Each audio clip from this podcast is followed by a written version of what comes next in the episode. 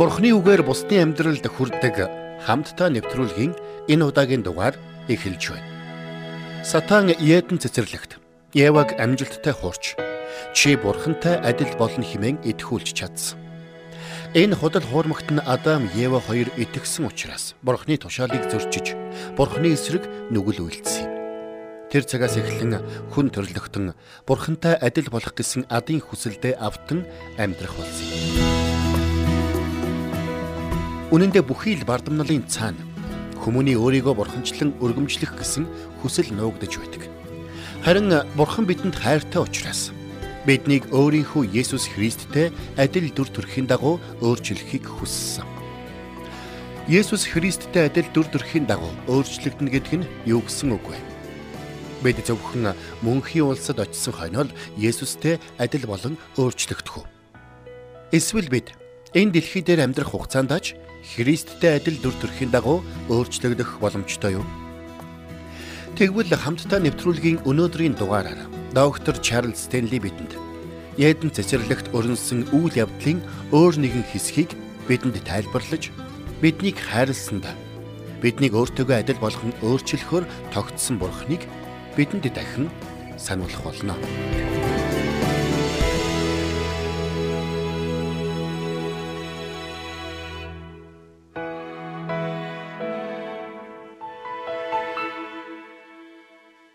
Энэ дэлхий зовлон шаналл, уй гашуугаар дүүрэн байдаг учраас Бурхан биднийг хайрладаг. Бурхан бидэнд санаа тавьдаг гэдгийг олон хүн хүлээн авч чаддгүй юм. Тэд өөрсдийн амьдралын нөхцөл байдлыг харахтаа Бурхан минь хэрвээ та надад үнэхээр санаа тавьдаг байсан юм бол яагаад ийм зүйлийг надад зөвшөөрсөн юм бэ гэж асуудаг. Хэрвээ та намайг хайрладаг юм бол яагаад надад ийм зүйлийг зөвшөөрöd байгаа юм бэ? Хэрвээ та надад санаа тавьдаг байсан бол яагаад тэр хүмүүс надад ингэж хандахыг та зөвшөөрсөн юм бэ хэмээн асуудаг.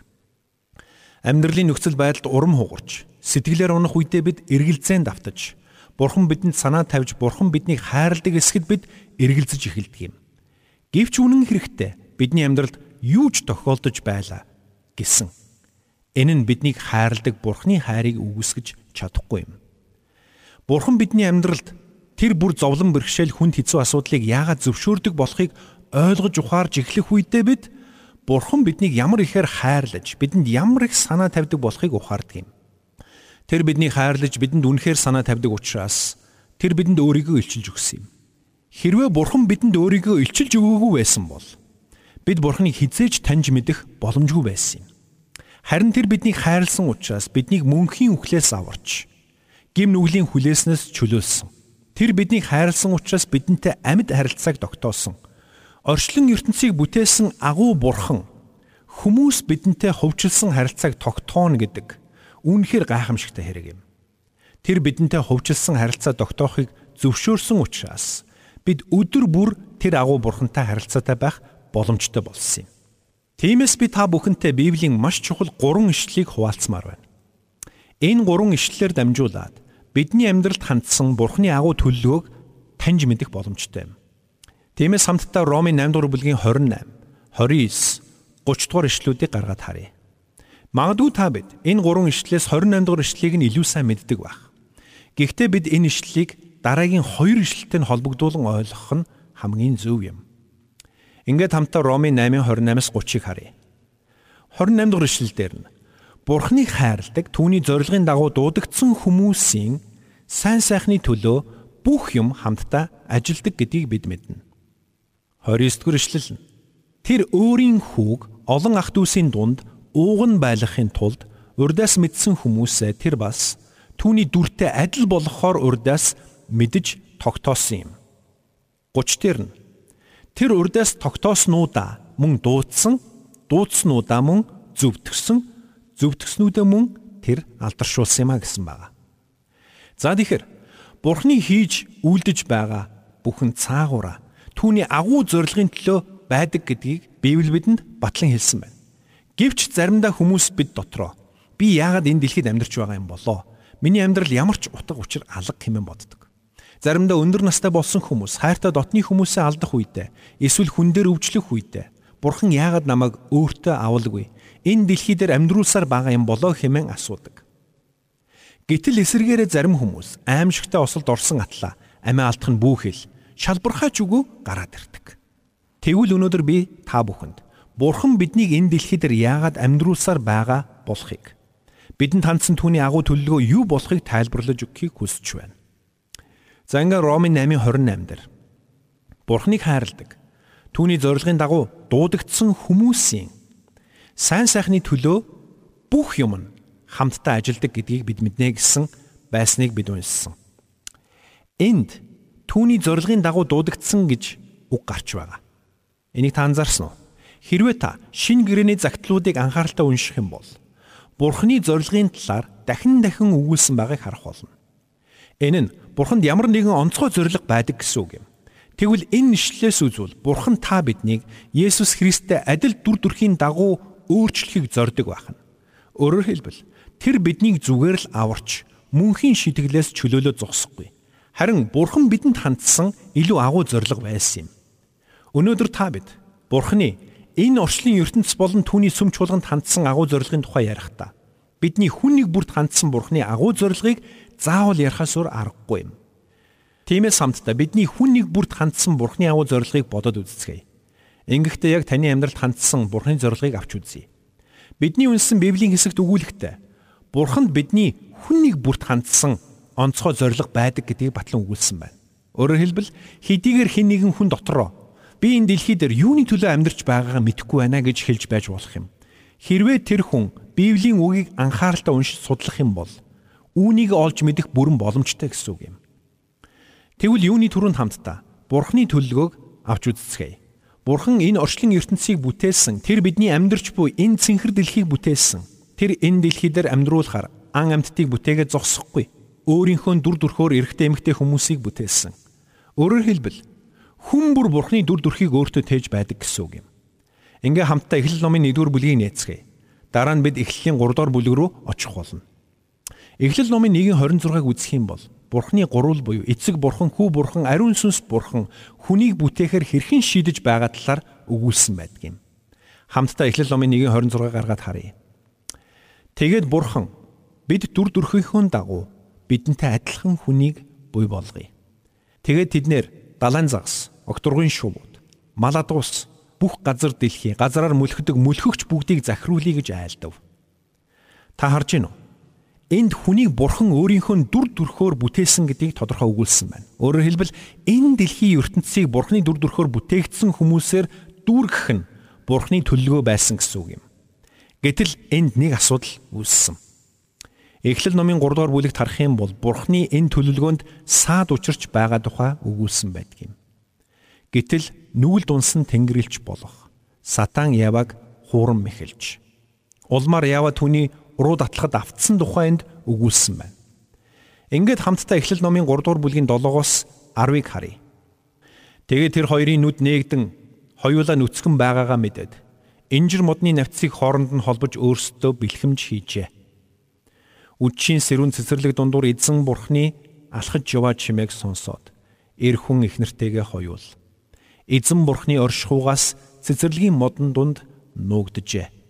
Гэтэл эзэн бурхан хүнийг дуудаж чи хаан байна вэ гэсэнд тэрээр би таны чимээг цэцэрлэг дотор сонсоод нүцгэн учир айж нуугдсан юм а гэж хэлв. Харж байна уу? Бурхан Адам Ява хоёрыг хаана байгааг мэдэхгүй байсан учраас тэднийг хаана байна вэ гэж дуудаагүй. Харин тэднийг ямар байдалд орсныг нь өөрсдөд нь харуулахын тулд инхүү дуудсан юм. Адам Ява хоёр нүгэл үйлдснээр олон зүйлийг алдсан боловч хамгийн түрүүнд хамгийн чухал нь тэд бүтээгчтэйгээ адил байсан дүр төрхөө алдсан юм. Тэд өөрсдийн дотор байсан бурхны дүр төрхийг алдсан. Гэхдээ бурхан үүнийг анханасаа мэдэж байсан. Адам Ев хоёр нүгэл үлдэж бурхнаас тусгаарлагдах болно гэдгийг бурхан мэдэж байсан.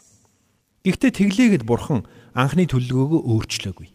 Хэдийгээр тэд гим нүгэлд унсан бурхны төлөвлөгөөнд цаад учруулсан боловч бурхан төлөвлөгөөгөө өөрчлөөгүй. Энэ бол дэлхийг бурхны дүр төрхөөр бүтээгдсэн хүмүүсээр дүүргэх төлөвлөгөө байсан юм. Тиймээс нэгэнд бурхан бүхнийг урдаас мэдэж байсан учраас тэр бүхнийг урдаас төлөвлөсөн байсан. Хэрвээ та Эфес номын 1-р бүлгийг гаргаад харах юм бол энд бидний талаар өгүүлсэн байгааг харах болно.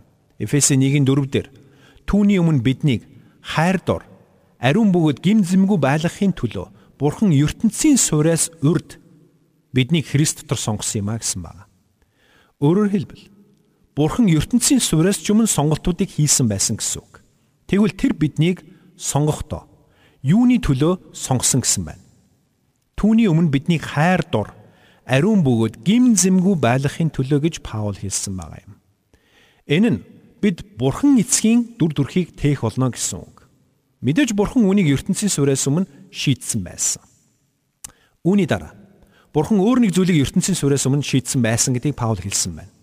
Ингээд хамтдаа Эфес номын 1-р бүлгийн 5-аас 6-ыг харъя. Тэрээр хүслийнхээ сайн тааллын дагуу биднийг Есүс Христээр дамжсан үрчлэлд урдаас тогтоожээ.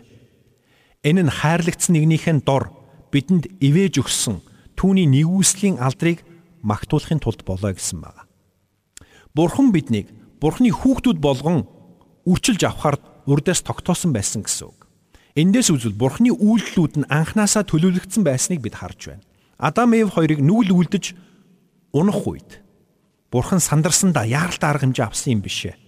Харин тэр ертөнцийн сүрээс өмнө бүхнийг төлөвлөж биднийг сонгосон байсан юм.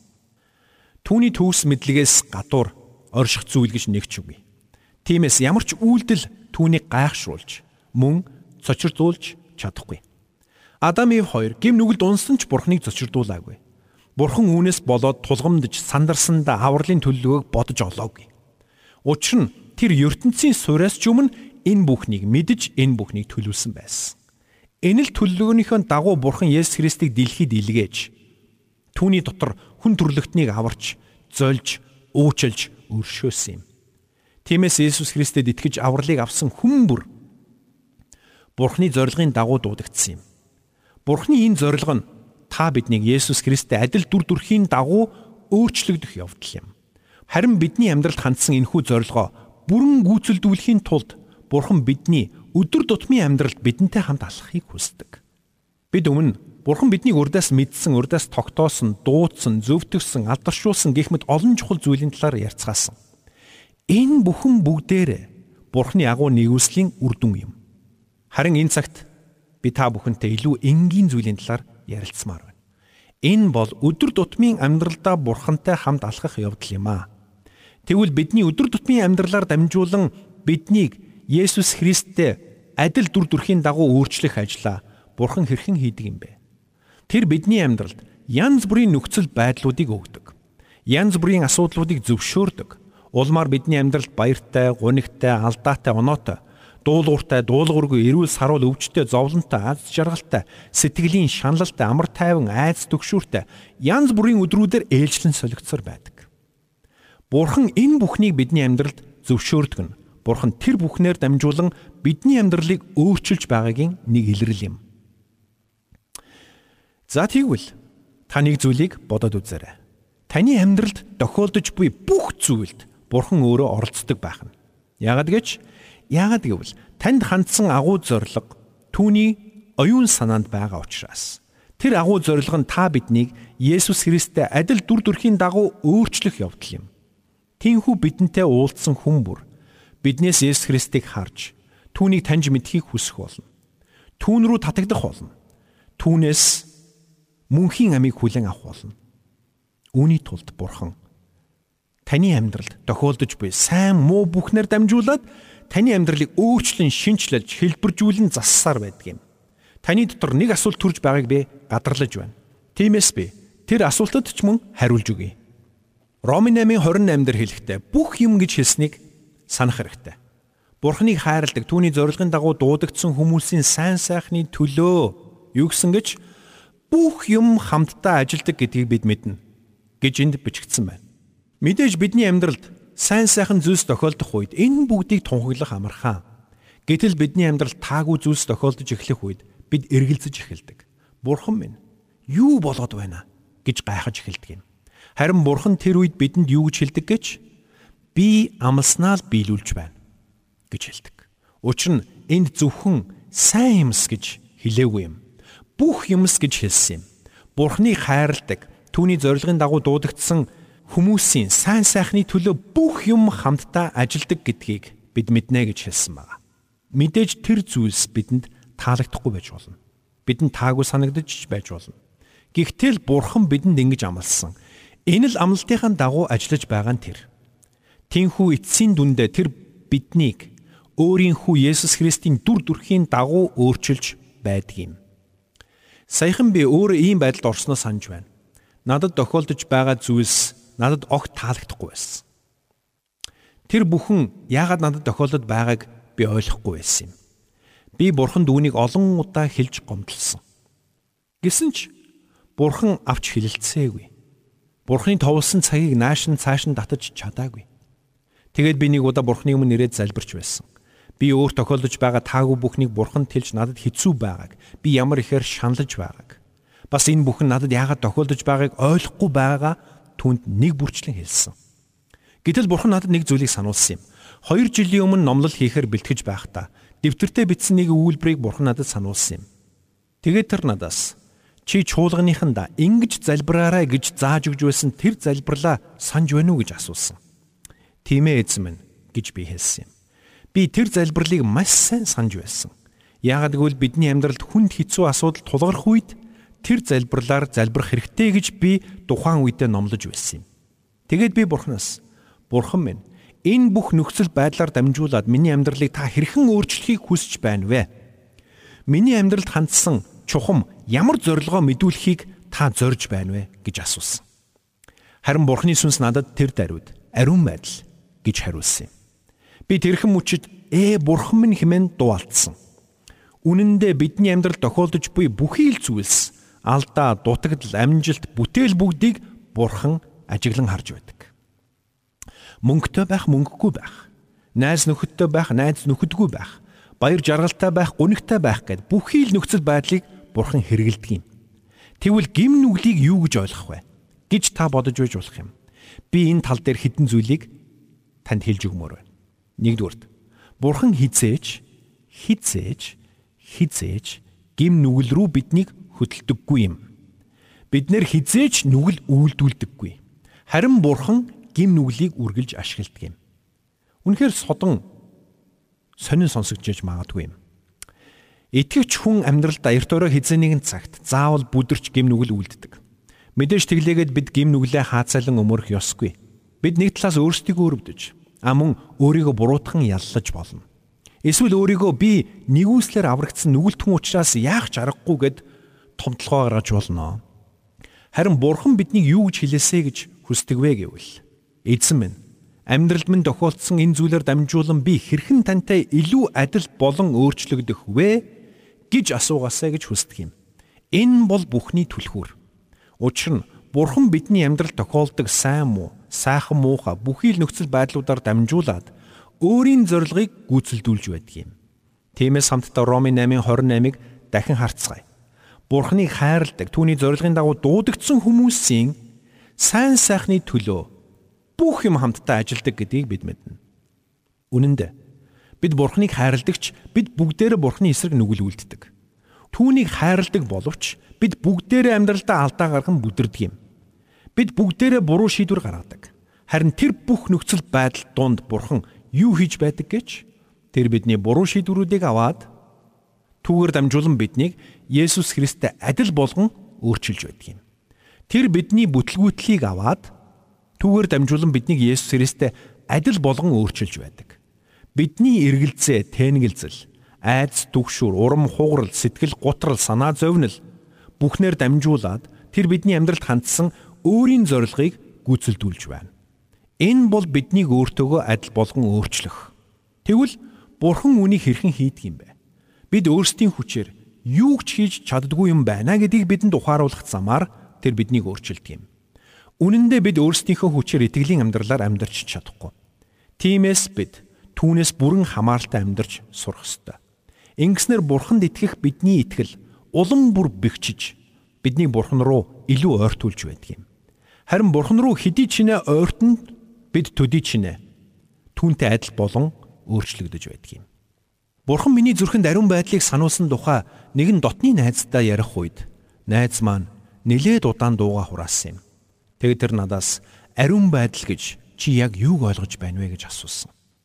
Ариун байдал гэдэг ойлголт бидний бодол санаа, үг яриа, үйлдэл, хөдлөл бүгдтэй хамаатай юм.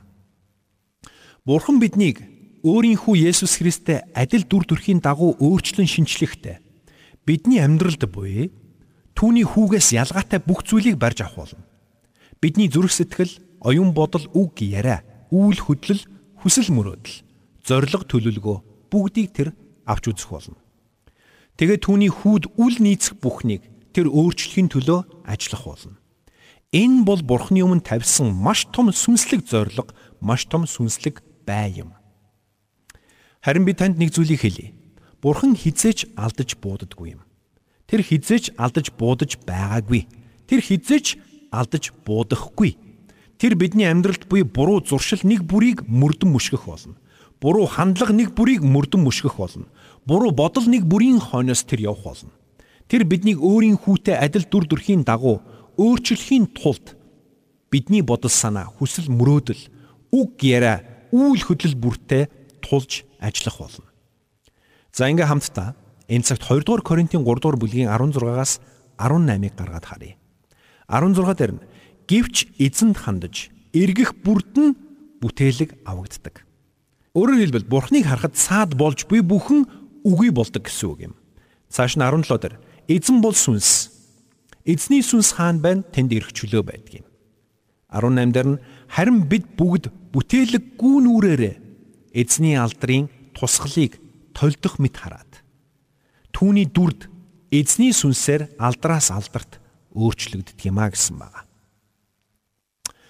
Бурхан та бидний өдөр тутмын амьдралд яг л энэ зүйлийг хийхийг зорддог юм.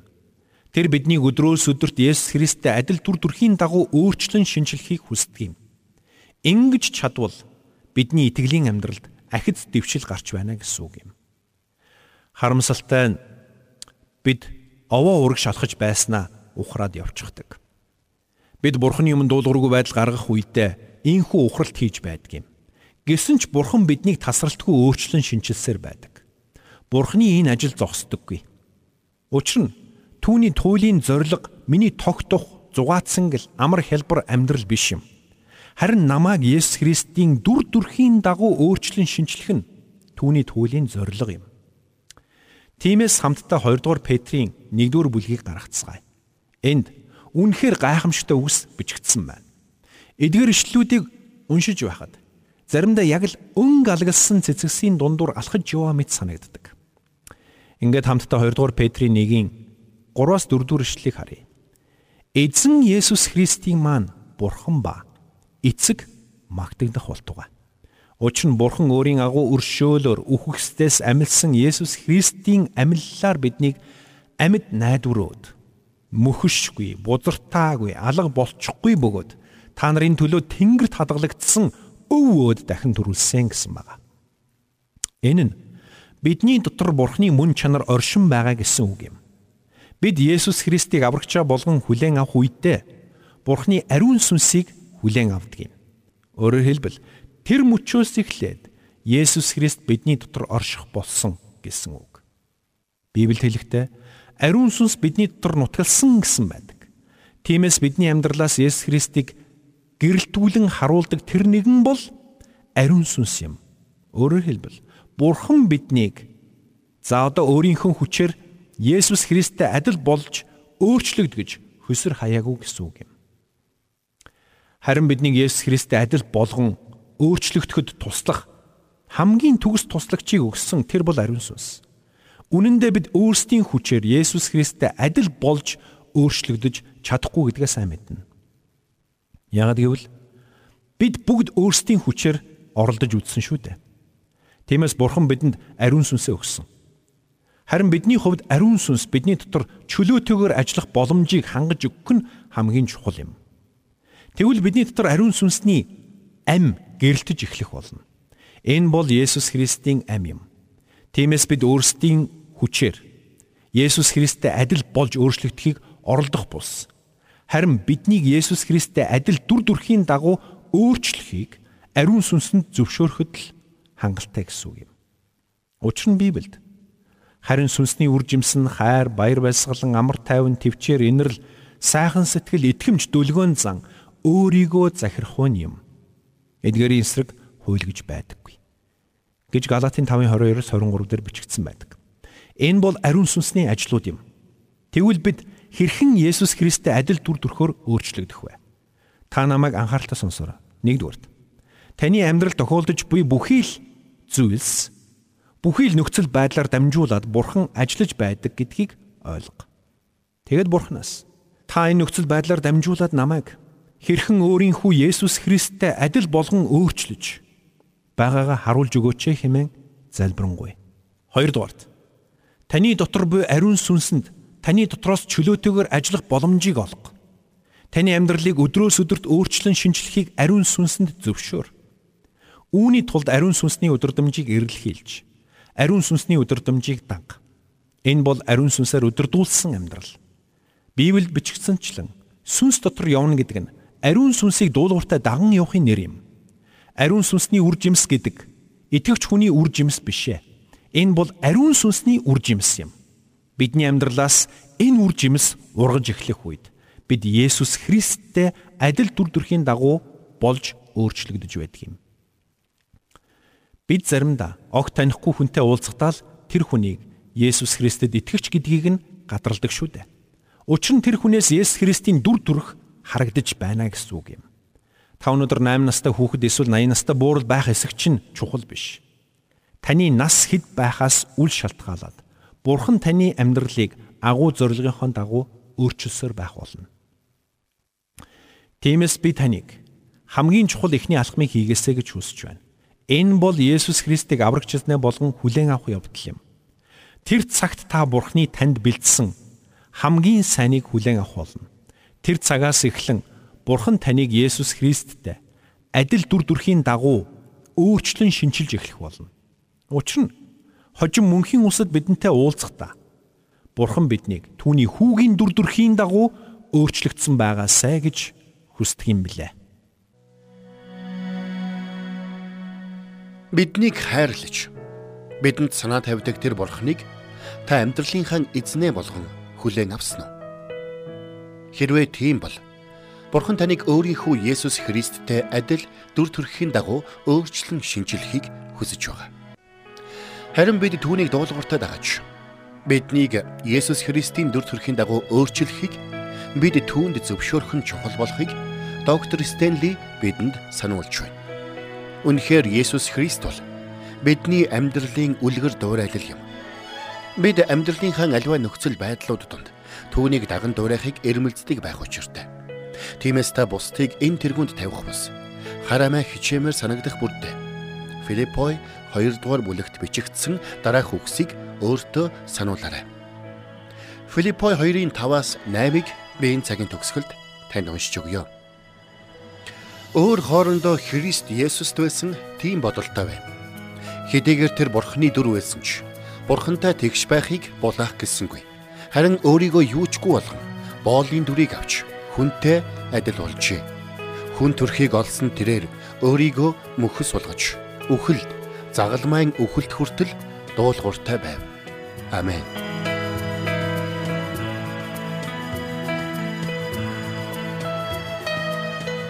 Бурханд тэмүүлсэн сэтгэл хүмүүсийг энэрх зөрхөөр амьдрахад туслах номлогч доктор Чарлз Стенлигийн хамттай нэвтрүүлэг сонсогч танд хүрлээ. Нэвтрүүлгийг дахин сонсохыг хүсвэл ихтгэл радиоцик.com-оор зочлоорой. Бидэнтэй холбогдохыг хүсвэл 8085 99 тэгтэг дугаард хандаарай.